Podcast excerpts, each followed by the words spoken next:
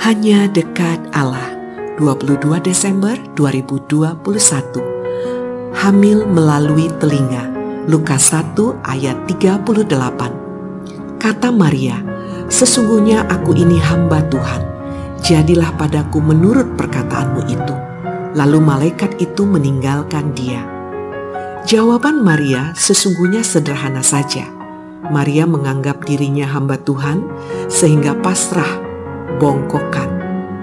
Inilah kepatuhan sukarela, rendah hati sekaligus mulia. Maria menggunakan kehendak bebasnya untuk mengambil keputusan mulia itu. Maria menjadi bunda Allah karena setuju. Para bapak gereja mengatakan bahwa Maria menjadi hamil melalui telinganya, artinya dengan mendengarkan. Berkat kepatuhannya, sabda masuk ke dalam Maria dan menjadi subur dalam dia. Mengapa Maria setuju?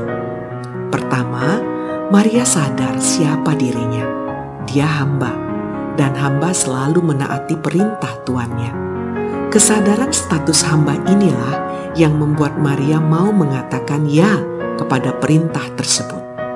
Dan Yesus orang Nazaret, sang anak, dalam pengajarannya seakan menyuarakan kembali kalimat sang bunda.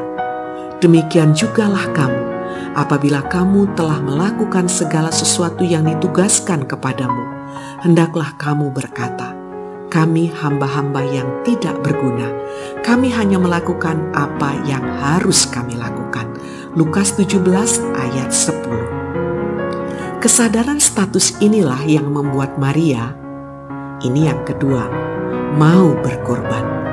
Kamus Besar Bahasa Indonesia membedakan antara korban dan kurban. Korban berarti orang, binatang, dan sebagainya yang menjadi menderita, mati, dan sebagainya.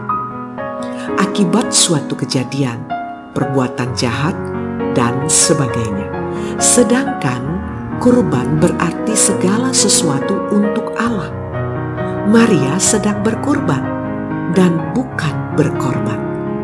Karena dia melakukan segala sesuatunya untuk Allah. Lagi pula, masa manusia berkorban buat Tuhan? Yang ada mah Tuhan yang berkorban buat manusia.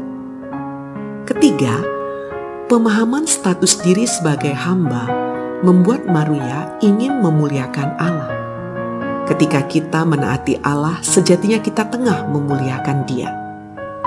Tidak memuliakan Dia itu berarti kita sedang memuliakan diri sendiri, dan sejatinya kita perlu belajar pula untuk memuliakan Dia, entah di keluarga, sekolah, kantor, masyarakat.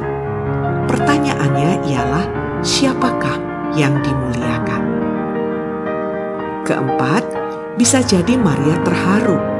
Bagaimanapun, Allah dengan begitu rendah hati memintanya menjadi sarana penyelamatan atas dunia. Nah, kalau Allah sudah begitu rendah hati memohon kepadanya, masa ditolak? Salam semangat dari kami, literatur perkantas nasional. Sahabat Anda bertumbuh.